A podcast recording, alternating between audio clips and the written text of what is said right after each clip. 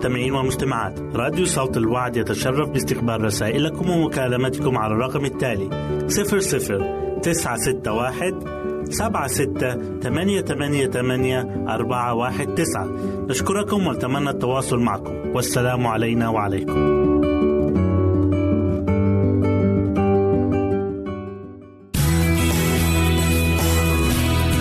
يمكنك استماع وتحميل برامجنا من موقعنا على الإنترنت www.awr.org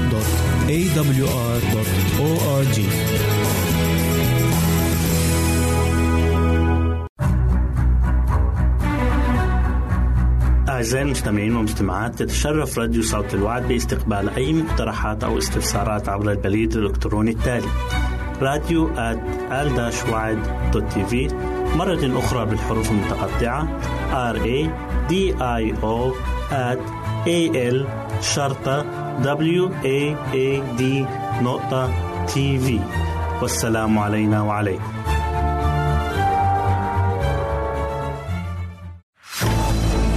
أعزائي المستمعين والمستمعات راديو صوت الوعد لا يكتفي بخدمتكم عبر الموجات الصوتية فقط بل وإنه يطرح لكم موقعا إلكترونيا يمكنكم من خلاله مشاهدة أجمل البرامج الدينية الثقافية الاجتماعية وغيرها من المواضيع الشيقة.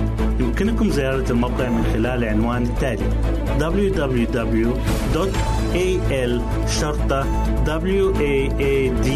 waad.tv مرة أخرى بالحروف المتقطعة. Www.al-waad.tv والسلام علينا وعليكم.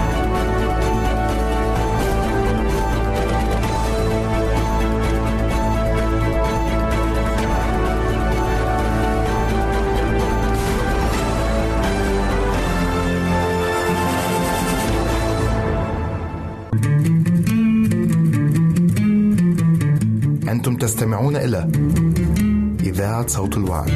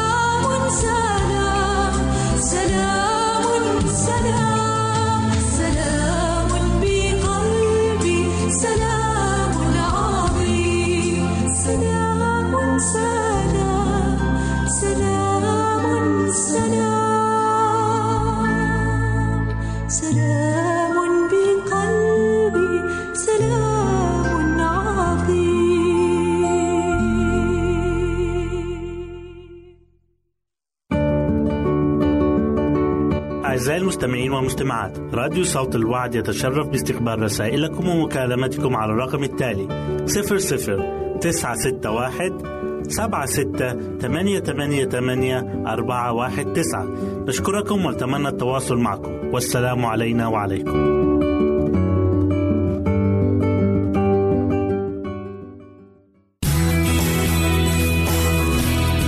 يمكنك استماع وتحميل برامجنا من موقعنا على الإنترنت www.awr.org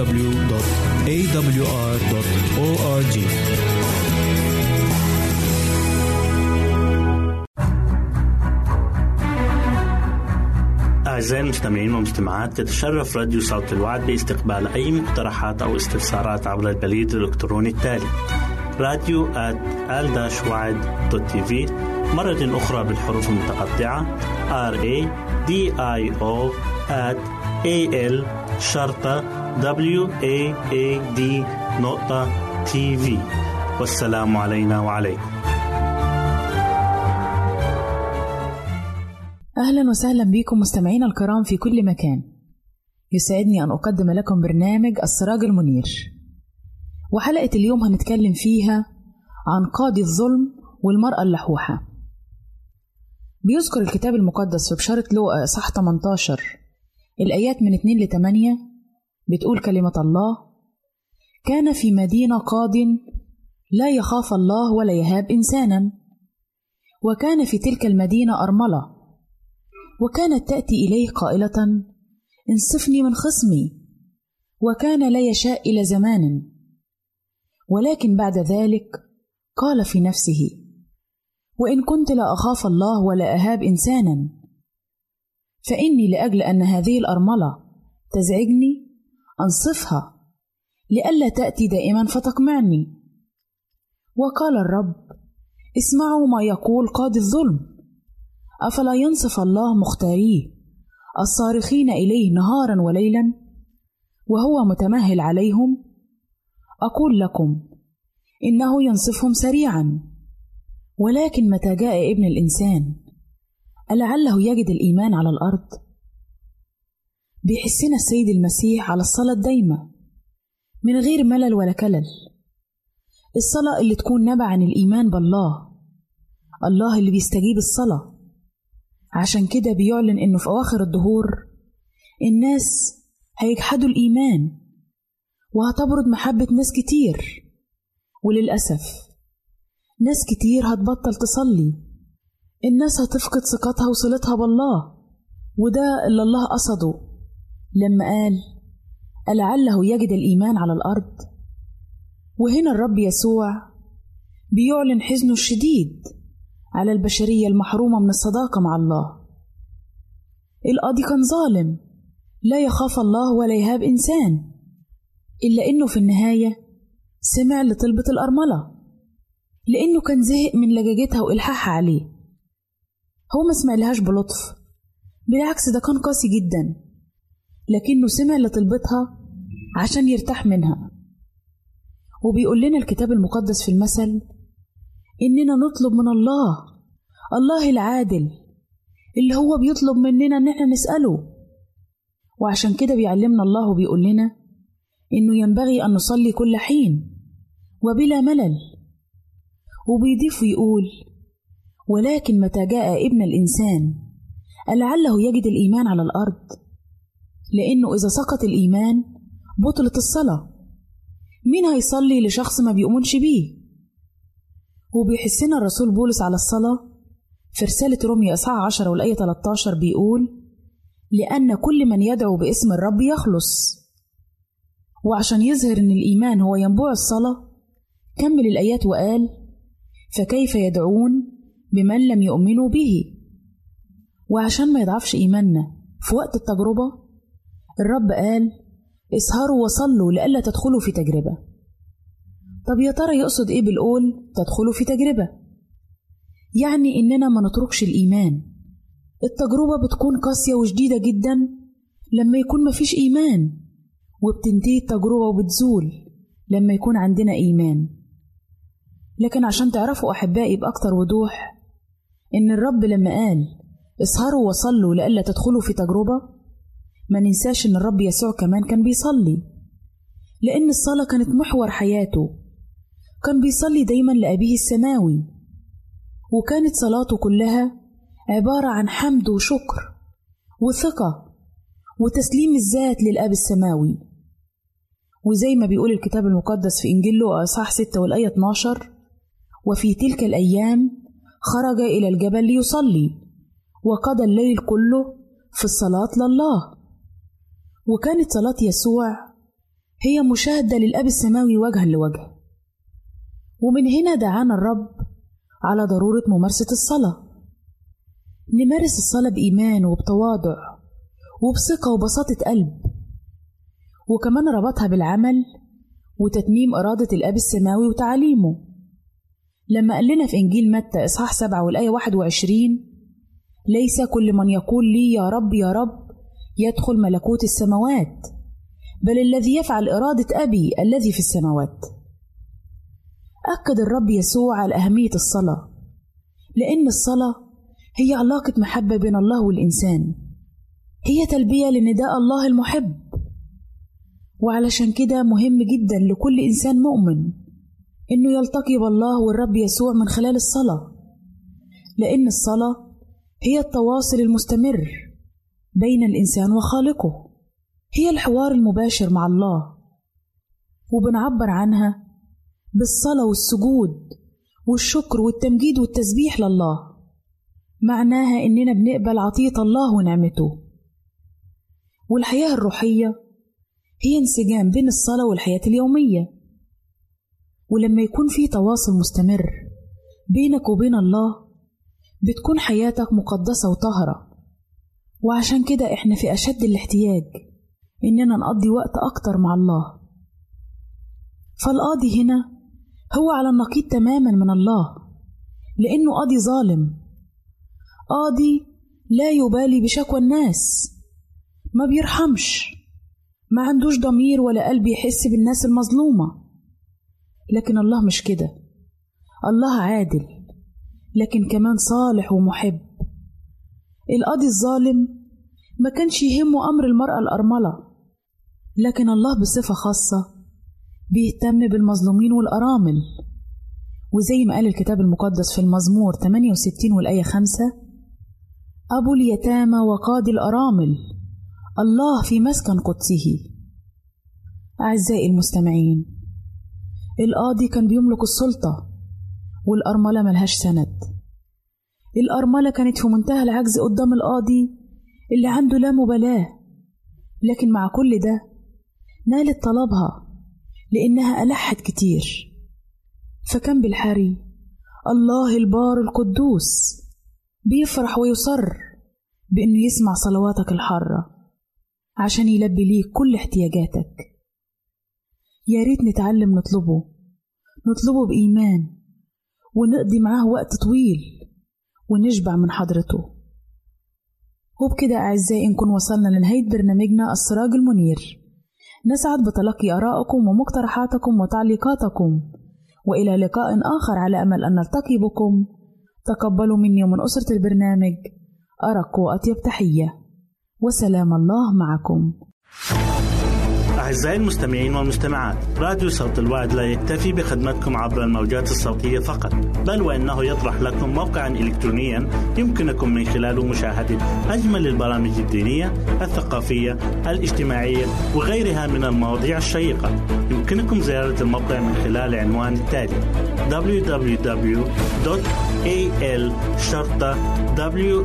www.al-waad.tv مرة أخرى بالحروف المتقطعة www.al-waad.tv والسلام علينا وعليكم.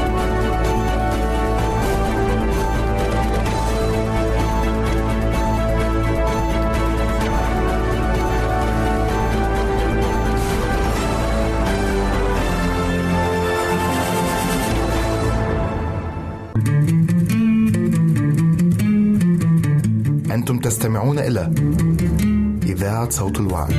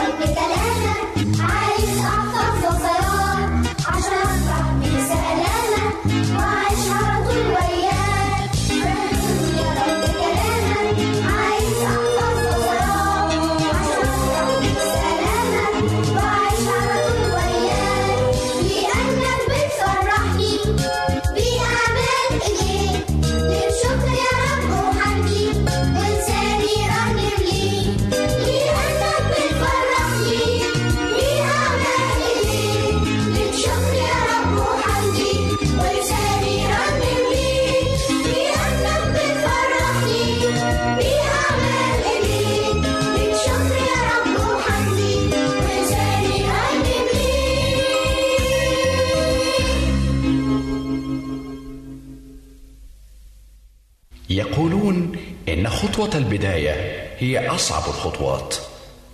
وقد يكون هذا صحيحا رغم أن دفعة البداية تقوينا. وآخرون يؤكدون أن خطوة النهاية هي أصعب الخطوات وقد تكون كذلك حقا رغم أن لهفة الوصول تشجعنا وتدفعنا. لكن حديث عشرة سنوات هي عمر خدمة فريق الحياة الأفضل حتى الآن. يؤكد أن ما بين البداية والنهاية هو أصعب الخطوات. فما أكثر الذين يبدأون بحمية النيران وينتهون بسكون الدخان. لذا طلب منا الرب أن نجلس أولا ونحسب النفقة. من السهل أن تبدأ خدمتك ومن الرائع أن تتم خدمتك. لكن الأكمل والأجمل أن تستمر بقوة الخطوة الأولى وبشوق الخطوة الأخيرة مرتفعا فوق ضباب المعوقات وغيوم المشكلات وأمطار نقص الإمكانيات ووحل هدم الناقدين وسدود المتزمتين متشجعا بتوجيه الأصدقاء وبتعضيد الأحباء وفوق الكل متمسكا بوعود رب السماء. وهكذا نستمر بنعمته ولمجده عاملين مرنمين. إلى هنا قد أعاننا الرب.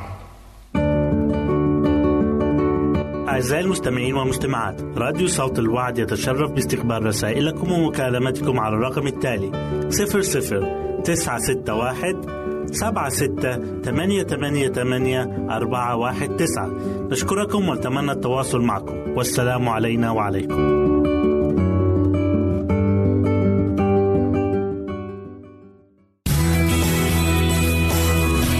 يمكنك استماع وتحميل برامجنا من موقعنا على الإنترنت www.awr.org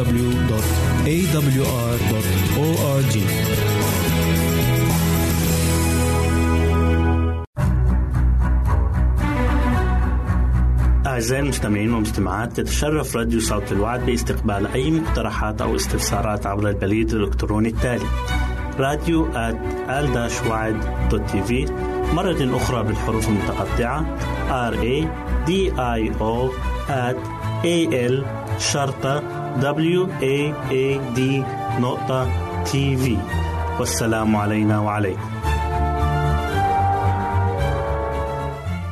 أهلا وسهلا بكم مستمعينا الكرام في كل مكان يسعدني أن أقدم لكم برنامج من هنا وهناك والذي يتضمن الفقرات التالية كيف تنظم وقتك؟ هل تعلم؟ كيفية معرفة العسل النحل الأصلي من المغشوش أولى فقراتنا هي كيف تنظم وقتك؟ الوقت هو شيء ثمين ومحدد وإن ضاع لا يعود حيث يندم الكثيرون على إضاعة أوقاتهم دون فائدة فيجب علينا إدراك أهمية الوقت ومحاولة استغلاله أفضل استغلال. لذلك نجد أن هناك الكثير من الأشخاص ممن يعانون من مشاكل في تنظيم وقتهم فتجدهم يتأخرون في القيام بأمور معينة على حساب أمور أخرى فيهملون جانبا من حياتهم على حساب جانب آخر. لذلك على هؤلاء الأشخاص عمل جدول لتنظيم أوقاتهم بما يتناسب مع مخططاتهم اليومية كما يعتبر تنظيم الوقت من أهم عوامل النجاح بالحياة ويزداد الوقت أهمية مع كثرة الواجبات التي يجب القيام بها. وإذا لم نستغل الوقت بشكل جيد لن نستطيع التقدم وسنفشل في تحقيق الكثير من الأمور في الحياة العملية. ولن نصل إلى ما نريد وتصبح الحياة فوضى وتتراكم الأعمال ولن نجد الوقت الكافي حتى للراحة. إن الجدول الزمني يساعد وبشكل كبير على تنظيم الوقت عن طريق كتابة الأمور التي يجب إنجازها في أوقات وأيام محددة وهذا من شأنه أن يعطي الشخص الوقت الكافي والإضافي للقيام بأمور أخرى في حياته بدلا من العمل الدائم. تحديد النشاطات والواجبات التي يجب إنجازها حسب الأولويات حيث يتم تسجيل الأمور التي يجب فعلها في هذا اليوم عن طريق وضع قائمة تحوي جميع الأعمال والنشاطات مثل الدراسة أو نشاطات تخص العمل أو ممارسة الرياضة أو القيام بأعمال البيت أو النوم أو القيام بالزيارات الاجتماعية. تأجيل النشاطات غير المهمة أو غير الضرورية ليوم آخر إذا أحس الشخص بأن يومه أصبح مليئا. التخطيط لكيفية إنجاز الأعمال حيث يتم البدء بالأعمال ذات الأولوية الأعلى والتخطيط يكون بعمل جدول توضع فيه أهم الأعمال مع تحديد الوقت اللازم إن أمكن حيث يستطيع كل شخص معرفة كم يحتاج من الوقت لإنجاز عمل معين. ويفضل أن يبقى هذا الجدول مع الشخص أينما ذهب لمراجعته والاطلاع عليه بعد إنجاز نشاط معين والانتهاء منه. الابتعاد عن الأنشطة التي تهدر الوقت والتي لا حاجة لها حيث تعتبر مثل هذه النشاطات بلا قيمة ولا تعني لصاحبها الكثير. أهلا وسهلا بكم مجددا أعزائي المستمعين إليكم فقرتنا الثانية وهي بعنوان هل تعلم؟ هل تعلم أن الفلفل الحار يحتوي على أعلى نسبة ممكنة من فيتامين سي مقارنة بجميع الخضروات والفواكه الأخرى؟ هل تعلم أن فاكهة الفراولة مفيدة جدا للقلب؟ وذلك لأنها من أفضل مضادات الأكسدة وغنية بالألياف الغذائية القابلة للذوبان وتعمل هذه الألياف على تخفيض معدل الكوليسترول في الدم وتزيد من كفاءة الدورة الدموية في جسم الإنسان. هل تعلم أن زيت النعناع يساعد على التخلص من اضطرابات الأمعاء وذلك بسبب فعاليته كمضاد للتقلصات والتشنجات؟ وهو يعمل على استرخاء عضلات المعدة والأمعاء ويعمل كمضاد بكتيري؟ هل تعلم أن النسور لا تموت ولكنها تنتحر بسبب المرض؟ هل تعلم أن العنكبوت لا يرى فريسته وإنما يستدل على وجودها ومكانها بواسطة الاهتزازات الصوتية التي تصدرها شبكته والتي تصل إلى عشرة آلاف هرتز؟ هل تعلم أن الضحك يمحو كليا التشنجات العضلية والتقلصات التي تكون في الأصل السبب الرئيسي لظهور آلام الظهر والرأس والرقبة؟ هل تعلم أن زيت السمك يمكن أن يفيد في التخلص من أعراض مرض التهاب المفاصل الروماتيزمي والذي يشمل الكثير من الآلام والتعب وتيبس المفاصل في الصباح إضافة إلى تورمه؟ أهلا وسهلا بكم مجددا أعزائي المستمعين إليكم فقرتنا الثالثة والأخيرة والتي نتكلم فيها عن كيفية معرفة العسل النحل الأصلي من المغشوش. العسل هو المنتج الغذائي الذي تنتجه خلية النحل معتمدة على ما تجود به الطبيعة من أزهار ونباتات. فتطوف الحقول والمروج متنقلة من زهرة إلى أخرى لامتصاص رحيقها. وعند رغبتنا في شراء كمية من العسل يجب علينا التأكد بأنه عسل أصلي غير مغشوش. وهناك عدة طرق متبعة في الكشف عن العسل والتعرف على جودته. منها لون العسل. في أغلب الأحيان يكون لون العسل فاتحًا. وهذا مؤشر على جودة العسل لكنه ليس قطعي إذ يمكن أن تجد عسلا لونه داكن ذو جودة عالية. كون لون العسل يتأثر بعدة عوامل مثل الوعاء الذي يخزن فيه والشمع المستعمل في الأقراص. صفاء العسل من وسائل التعرف على جودة العسل صفاء لونه وهذا ليس دليلا قاطعا على جودة العسل لكون بعض الحبيبات الدقيقة يصعب فصلها. رائحة العسل. يمكن معرفة مصدر العسل النباتي من خلال شم رائحته فقد يكون مصدره نباتات البرسيم أو أشجار الليمون أو الزعتر. والأهم أن تكون رائحة العسل خالية من رائحة السكر المحروق. وأخيرا طعم العسل. يكون طعم العسل الأصلي حلو المذاق وناعم الملمس. إلى هنا نأتي أعزائي إلى نهاية برنامجنا من هنا وهناك. والذي نأمل أن يكون قد نال إعجابكم. نسعد بتلقي آرائكم ومقترحاتكم وتعليقاتكم. وإلى لقاء آخر على أمل أن نلتقي بكم. تقبلوا مني ومن أسرة البرنامج أرق وأطيب تحية. وسلام الله معكم. أعزائي المستمعين والمستمعات راديو صوت الوعد لا يكتفي بخدمتكم عبر الموجات الصوتية فقط بل وإنه يطرح لكم موقعا إلكترونيا يمكنكم من خلاله مشاهدة أجمل البرامج الدينية الثقافية الاجتماعية وغيرها من المواضيع الشيقة. يمكنكم زيارة الموقع من خلال العنوان التالي www A L شرطة W A A D دوت تي في مرة أخرى بالحروف المتقطعة www نقطة A L شرطة W A A D نقطة في والسلام علينا وعليكم.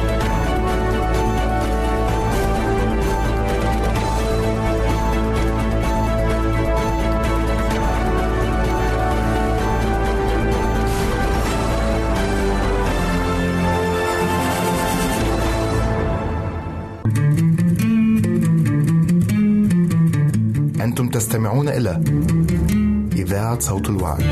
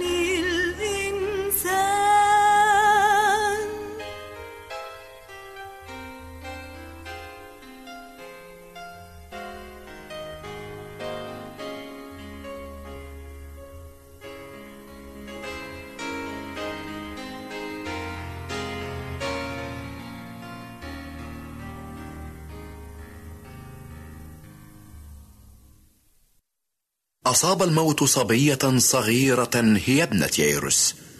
وشابا يافعا هو ابن أرملة نايين ورجلا ناضجا هو لعازر ييروس شخصية متدينة مشهورة والأرملة حزينة مغمورة. ومريم ومرثا من الدائرة المحبوبة. لكن لا بد لشمس الحياة أن تختفي. ولقصة العمر أن تنتهي ولصفحة الإنسان أن تنطوي. لذا أرجو رب الحياة أن يخرج من القبر نفسك وأن يسير معك دربك وأن يضمن لك أبديتك. نعم لكل عملة وجهان فكما أن الخطية والموت توأمان هكذا الخلاص والقيامة متلازمان. والمسيح والحياة لا يفترقان.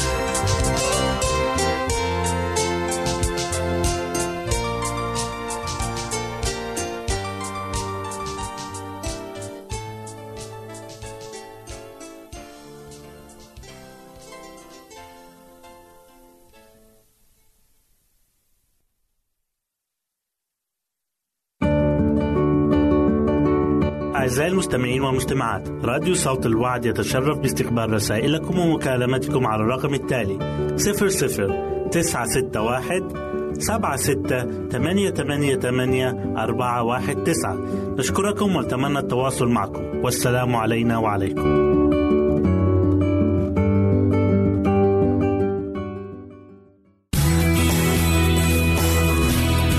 يمكنك استماع وتحميل برامجنا من موقعنا على الإنترنت www.awr.org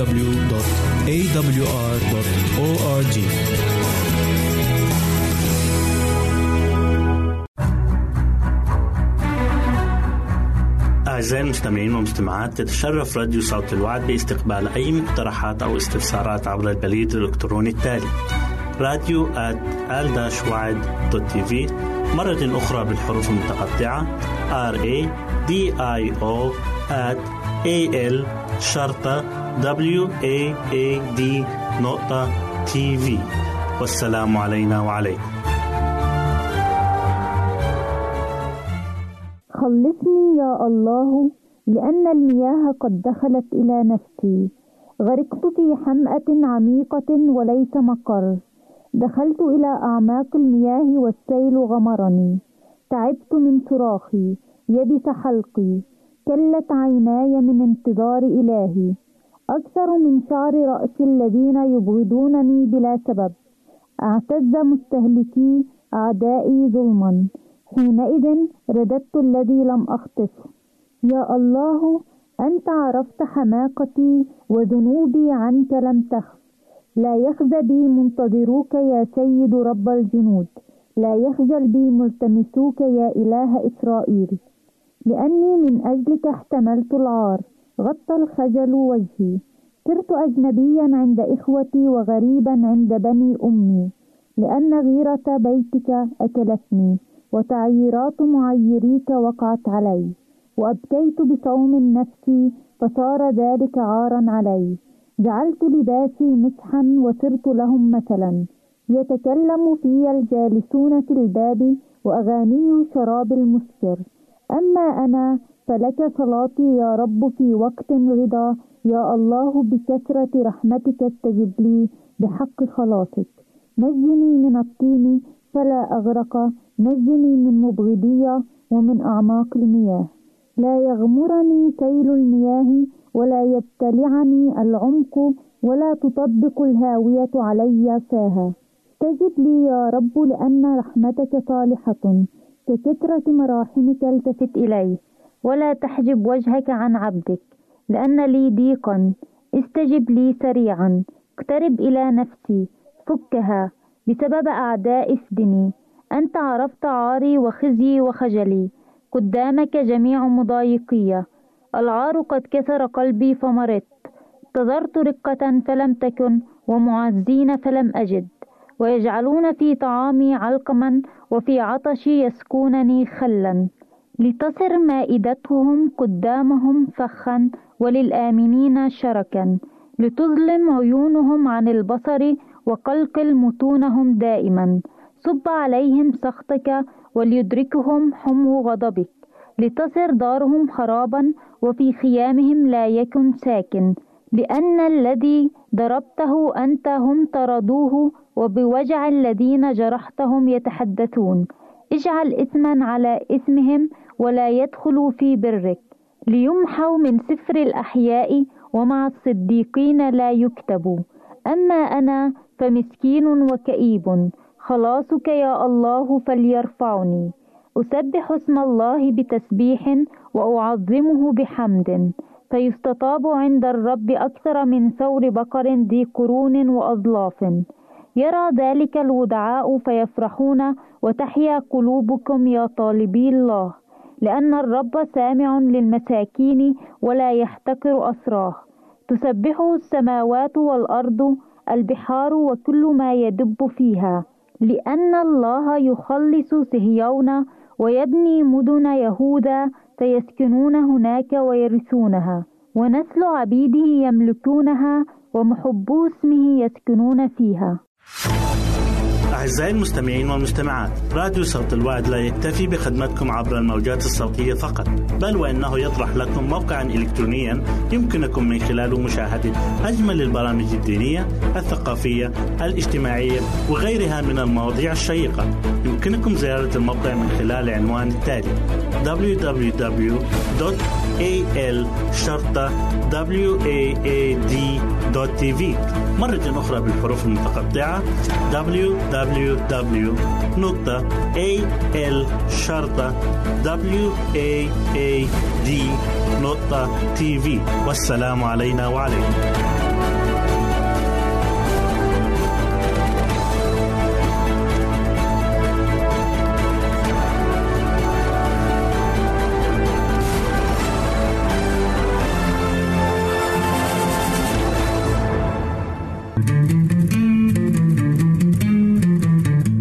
تستمعون إلى إذاعة صوت الوعي.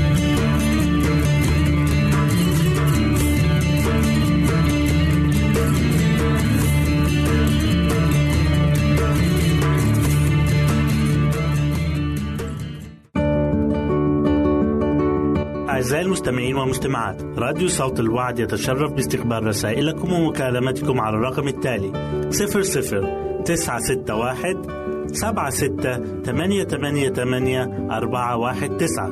نشكركم ونتمنى التواصل معكم. والسلام علينا وعليكم.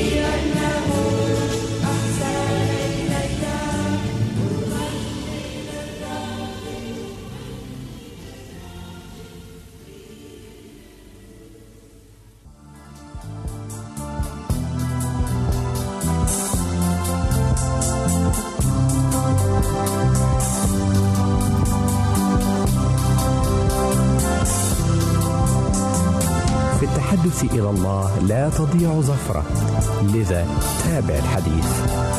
في المسير مع الله لن تخطئ الطريق لذا تابع المسير. في انتظار الله لا يضيع وقت إذا تابع الانتظار. صلي معي الآن يا رب. إني أعلم أنك تضع صلاة في قلبي لا لتصفعني بل لتصنعني. وأنك عندما تقودني لأختلي بك فإنك تمتعني ببركات عرش نعمتك. وأعلم أيضا أن اللحظة التي أصلي فيها إنما هي أصدق لحظة حيث أجد نفسي وأجد إلهي. فساعدني لكي أكون دائما بقرب قلبك.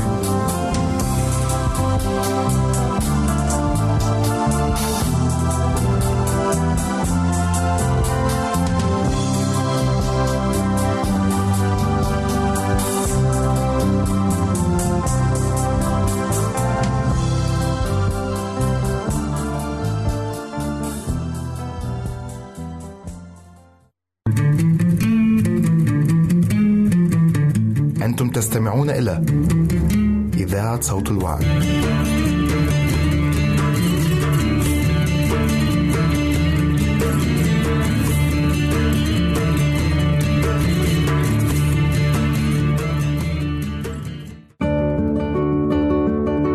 أعزائي المستمعين والمستمعات راديو صوت الوعد يتشرف باستقبال رسائلكم ومكالمتكم على الرقم التالي 00 961 سبعة ستة ثمانية ثمانية ثمانية أربعة واحد تسعة. نشكركم ونتمنى التواصل معكم. والسلام علينا وعليكم.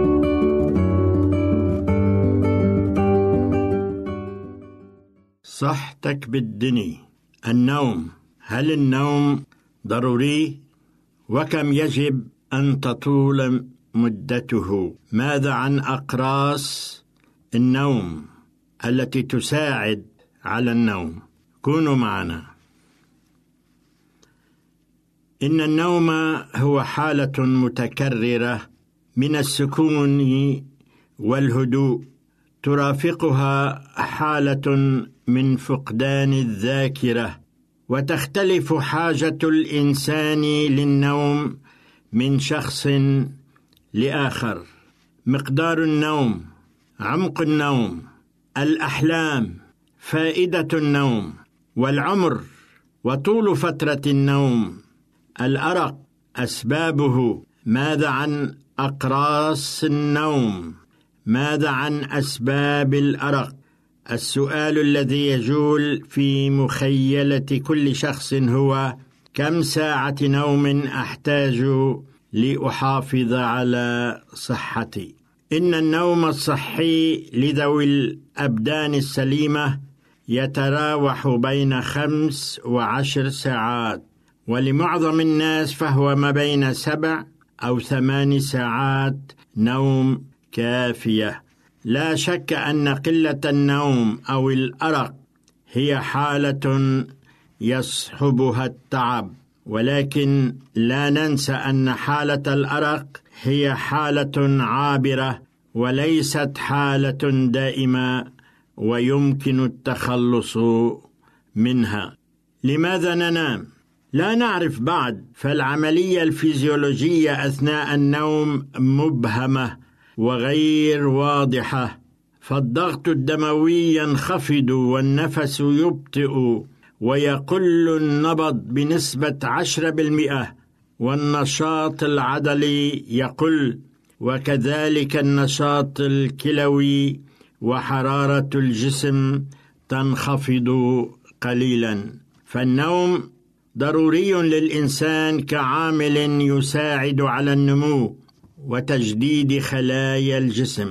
فالنوم ضروري لأن الحرمان منه يتبعه نعاس قاهر لا يغلب ويتبعه قلة التركيز والتوتر وبطء التفكير.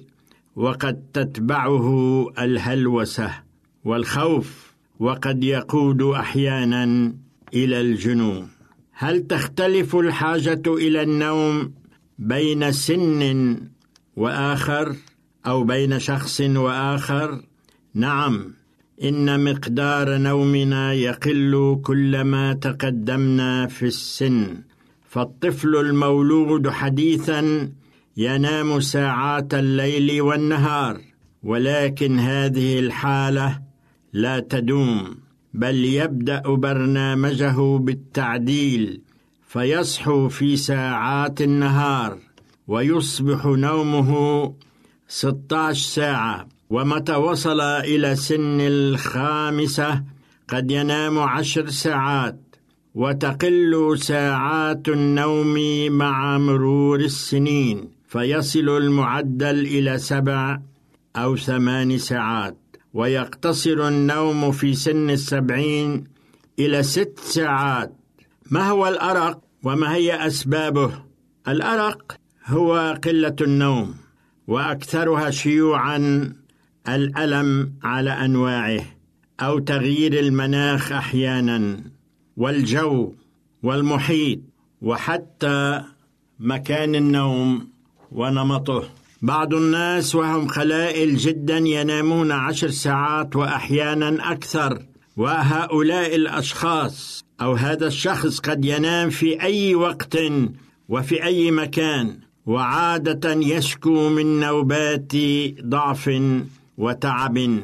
وإذا كان ينام في النهار فتذكروا ما كان يقال قديما بأن نوم نصف ساعة قبل نصف الليل خير من نوم ساعات بعده. هناك أشخاص مصابون بالأرق يقضون الليل وعيونهم مفتوحة.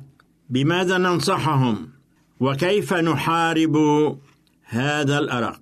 النصيحة الأولى لهؤلاء أن يمتنعوا عن تناول الطعام الكثير في الساعات المتأخرة من الليل ليكن العشاء قبل السابعه والنصف وليكن خفيفا قدر الإمكان.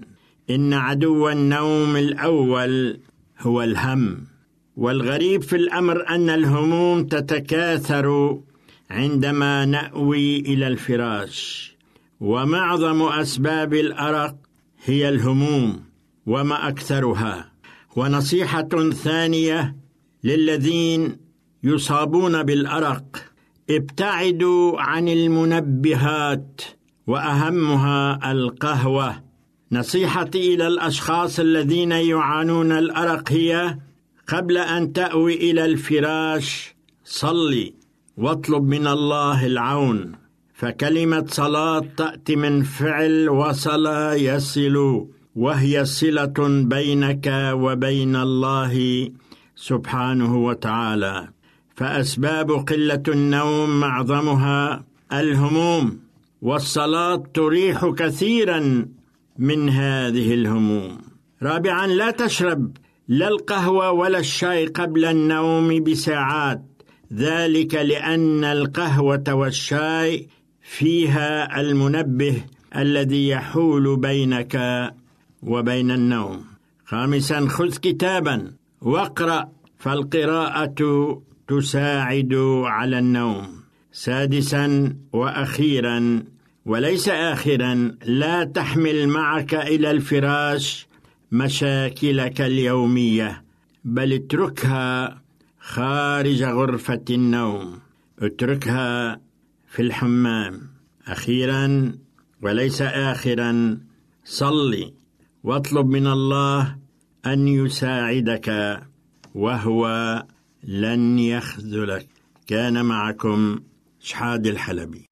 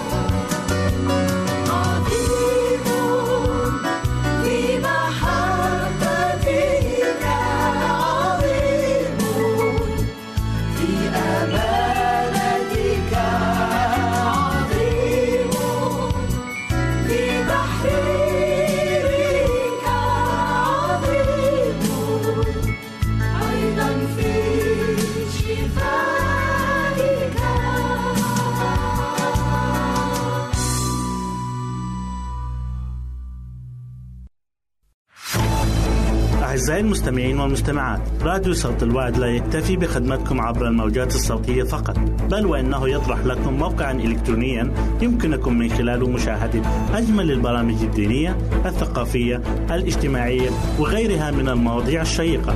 يمكنكم زيارة الموقع من خلال العنوان التالي www.al waad.tv مرة أخرى بالحروف المتقطعة www.al